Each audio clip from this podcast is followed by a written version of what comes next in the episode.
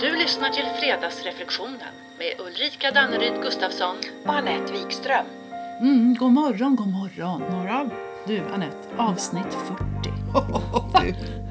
Fantastiskt! Ja, så mäktigt alltså. Ja. Ja.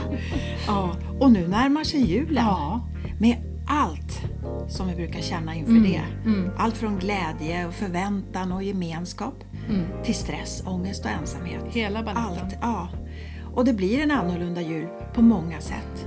Men förhoppningsvis är det den sista julen vi har i en pandemi. Mm. Den sista. Mm. Jag tror jag, jag skriver det högst upp på min önskelista. Ja, jag med. Ja.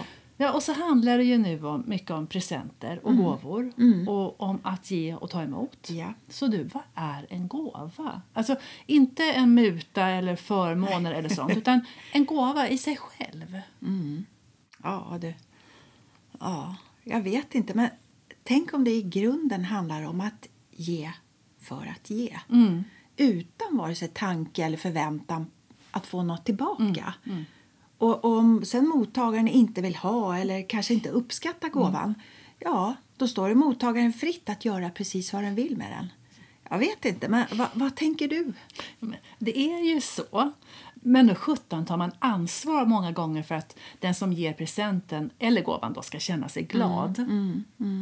Och visst kan man ju känna tacksamhet över en present man inte alls vill ha men kanske tacksam över gesten ändå såklart. Men så finns det ju också oskrivna regler hur vi egentligen bör bete oss när vi får något. Mm.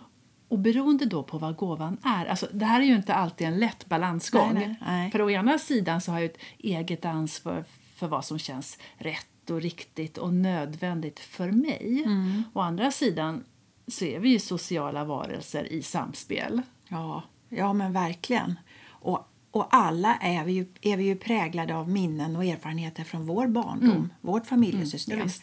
Hur var det när vi fick presenter när vi var små? Var de kopplade till outtalade förväntningar att prestera? Eller kände vi in att vi skulle vara jävligt tacksamma att vi överhuvudtaget fick något? Alltså, ja, vad finns i vår ryggsäck? Är vi kanske oroliga för att gåvan vi får kommer med någon slags förväntan eller krav på oss? Och hur begränsar det oss i sådana fall att ge och ta emot? Ja, mm. jag tänker, julen är i alla fall kanske ett präktigt tillfälle att lära oss mer om oss själva och vår upplevelse både av att ge och att ta emot. Och det är ju klart att vår historia påverkar oss. Men det intressanta är ju hur, vi, alltså, hu- hur medvetna vi är om det idag och hur det tar sig till uttryck idag, vilket förhållningssätt vi har utifrån det. Mm. Ja, ja, men precis. Så det är ju en möjlighet att öka vår medvetenhet om det är någon skillnad för oss att ge respektive ta emot. Är det ena lättare än det andra? Vet du, jag tror att det är många gånger det är lättare att ge än att ta emot. Mm. För när vi tar emot, alltså det kan väcka så många känslor. Mm. Tillräcklighet, ge tillbaka och så ibland kan det ju till och med kännas pinsamt. Mm. Och Alla tittar, jag tänker på en avtackning på jobbet till exempel eller något annat tillfälle när det inte är fullt så familjärt. Och man har, du har allt fokus på dig och Mm. du känner förväntningarna och blickarna. Ja, Hur ja, ska ja. hon bete sig? Ja, ja, eller så finns inte förväntningarna där men vi kan få fantasier om att det finns förväntningar tänker jag beroende på vad vi har för erfarenheter i vår, vårt bagage. Exakt, för det behöver ju inte vara så. Nej. Och då är det ju mer medvetna vi blir om varför vi känner som vi känner, då kan vi ju också ha större förståelse för oss själva. Plus att det hjälper oss ju att göra medvetna val på ett annat sätt så att vi faktiskt kan agera i de här situationerna som är lite jobbigare snarare än att reagera. Mm, ja, ja, precis. Agera medvetet och konstruktivt. Men sen kan ju intentionen ibland vara också att vi ger för att vi själva önskar få uppskattning och bekräftelse. Ja, visst. Men vad händer då med oss om vi inte får den uppskattning vi hoppas på? Ja, alltså om jag ger min present eller gåva men att jag förväntar mig någonting eller önskar någonting tillbaka men som är outtalat eller underförstått och som dessutom då kanske inte heller plockas upp av mottagaren. Det är klart, då kan man ju bli riktigt ledsen. Ja, det är klart. Ja, då kan nog den riktigt stora besvikelsen knacka på. Ja. Och och förmodligen är det en god idé att öka medvetenheten om både vår avsikt och även vårt varför vi vill ge gåvan. Har vi ett underliggande motiv och en önskan om en viss re- reaktion eller vill vi ge bara för glädjen att ge? Mm, och då är det ju superhärligt. Och sen så Mm. kan det ju finnas situationer när jag ger en present, säger vi, och som inte alls uppskattas. Nej. Och som mottagaren dessutom inte kan dölja, kanske inte vill dölja. Alltså, det har ju liksom hänt, va? Jag tänker små barn. Ja, precis. Say no more. Say no more. Direkt och omedelbart. Ja, underbart. Och det är klart att även där, det väcker ju någonting i mig mer eller mindre om det jag vill ge inte tas emot i tacksamhet eller glädje Nej. av en. För att hur är det förresten med vår förmåga att ta emot en gåva? Mm. Alltså, du vet ju att jag tycker om The Big Bang Theory. Ja, det är jättekul. Jag har aldrig sett ett endaste Jag avsnitt. vet. Och jag tycker särskilt mycket om den här karaktären Sheldon Cooper. Okej. Han, han är kvantfysiker med ett IQ på ja, men, säg, 187. Ja, okej. I alla fall, så i, i ett av avsnitten så handlar det just om julklappar. Och Sheldon får en present av hans väninna Penny och han blir mycket upprörd och så frågar han henne varför. Varför har hon gett honom en present? Och, ja, Penny försöker ju förklara här då att det är ju jul. Man ger ju faktiskt presenter till varandra då. Och Sheldon utbrister att han förstår att Penny försöker vara generös men att en av grundstenarna när man ger en present är ömsesidighet, återgäldning, reciprocitet. Alltså, du har inte gett mig en julklapp, säger han. Han är mycket upprörd här. Okej. Du har gett mig en skyldighet. Ja, och så beskriver han hur han nu måste ut i kommersen för att hitta en present till henne då av lika värde och som representerar samma nivå av upplevd vänskap som presenten som hon gav honom nu gjorde. Vänta, andas. Oj, oj, oj, oj, oj. Ja, knepigt här. Är det. Ja, det låter ju som han blir oerhört stressad och provocerad. Och sen undrar jag hur väl de egentligen känner varandra. Ja, det kan man ju fråga sig, men typ väl. Ja, tillåt mig tvivla. Men jag tror ändå att ditt exempel visar på ett allmänmänskligt fenomen. Att vi kan tycka att det är skitjobbigt att ta emot. Ja.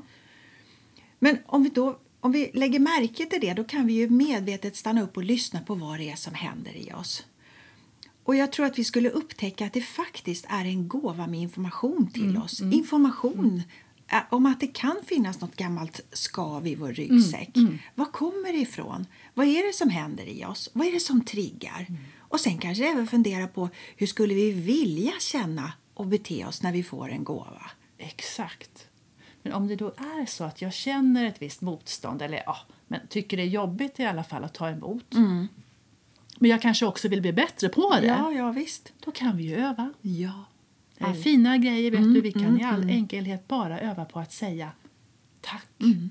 Inte skoja bort, inte förklara, förminska, Nej. Mm. utan bara kort och gott tack. Och du, ibland kan det enkla kännas som den största utmaningen. Ja, Eller verkligen. hur? Ja, Ja. ja, visst är det så. Mm. Men du, apropå gåvor. Ja. Ja. Tänk om vi skulle ge oss själva en gåva i år, Ja. den här coronajulen. Ja. Jag tänker nämligen på att vi alla någon gång förmodligen sagt Åh, vad jag önskar att jag hade mer tid. Och om jag bara hade det, då, Då. skulle jag ha mer egen tid. Jag skulle träna, läsa mer, mecka med hojen, spela piano, ja, ja, eller vad det nu än är. Har inte du också någon gång både tänkt och känt så? Kanske inte mecka med hojen. Ja, Okej. Men spela piano mer, läsa och alla de där bra böckerna och skriva och skapa mer. Om jag bara hade Ja. tid. Eller hur? Och, men tänk då om vi allt eftersom vi kommer på vad vi vill ge oss mer tid och förutsättningar till, ja men då skriver vi upp det på vår önskelista. Och vet du, jag tror att bara den processen i sig kan synliggöra och öka vår medvetenhet om vad vi egentligen faktiskt längtar efter och verkligen önskar. Och på köpet kanske det dessutom ökar vår motivation att schemalägga det vi prioriterar hellre än att prioritera det vi schemalagt. Är du med? Bra där, jag är med. Ja, för inte nog med att det faktiskt tydliggör då vad det är jag vill lägga min tid på. För om jag plockar upp det på arbetsbordet då blir det ju inte en sån där illusorisk dröm, någonting där borta om jag bara hade och så Nej. vidare. Nej, så upp med det på bordet så blir det konkret och någonting som jag då kan börja jobba mot. Och du vet, idag har vi ju ett ord för det här arbetsbordet. kallas önskelista. Ja, härligt! Lysande där! Och så tänker jag att vi då dels kan få syn på sånt vi kan börja ge oss själva. Och det kan ju handla om att antingen lägga till eller dra ifrån. visst. ja. Och sen, tänk om vi skulle dela de här önskelistorna med varandra. Med våra nära till exempel. För, för då får ju helt plötsligt allas längtan, behov och önskningar komma upp på arbetsbordet. Ut i friska luften, synas, få sin plats. Fan, helt plötsligt kanske det händer. Är du med? Ja. Någon kanske pitchar in så att du får den tid du önskar. Och du kan bidra till att någon annan får tid till sitt. Det blir ju som ett ömsesidigt utbyte av gåvor. Och en övning i att ge och att ta emot. Du menar typ att vi ska kommunicera med Ja, varandra? Ah, bra där. Ja. Ja, det skulle väl vara en gudagiven gåva till de runt omkring oss och till oss själva också. Ja, För den ja. delen. Ja, men verkligen. Och tänk om det är i det lilla och nära som, som vi bäst kan börja skapa nya goda vanor. Själva och tillsammans. Mm. För jag menar, konsekvensen med nya goda vanor det kan ju bli att vi mår bättre. Mm, hoppsan! Och det absolut värsta med det, det är att det sprider ringar på vattnet. God smittspridning, jag säger bara uppsidor. Bara uppsidor. Och så är det ju såklart smart att uttala vad det är vi har skrivit på önskelistan här och vad vi önskar och längtar efter. För du vet, det finns inga tankeläsare och tydligen inte jag det heller, har jag hört. Ja, nej. nej, det gör ju inte det. Och allting startar ju med oss själva. Och istället för att gå omkring och känna irritation, frustration och ledsenhet, du vet några av de där känslorna som finns bakom avundsjuka. Avsnitt tre, vill jag bara tillägga. just det, just det. Men som egentligen handlar om vår egen längtan. Ja. Då tar vi ju liksom egen, egen kontroll och ett mer konstruktivt ansvar för det vi önskar och saknar.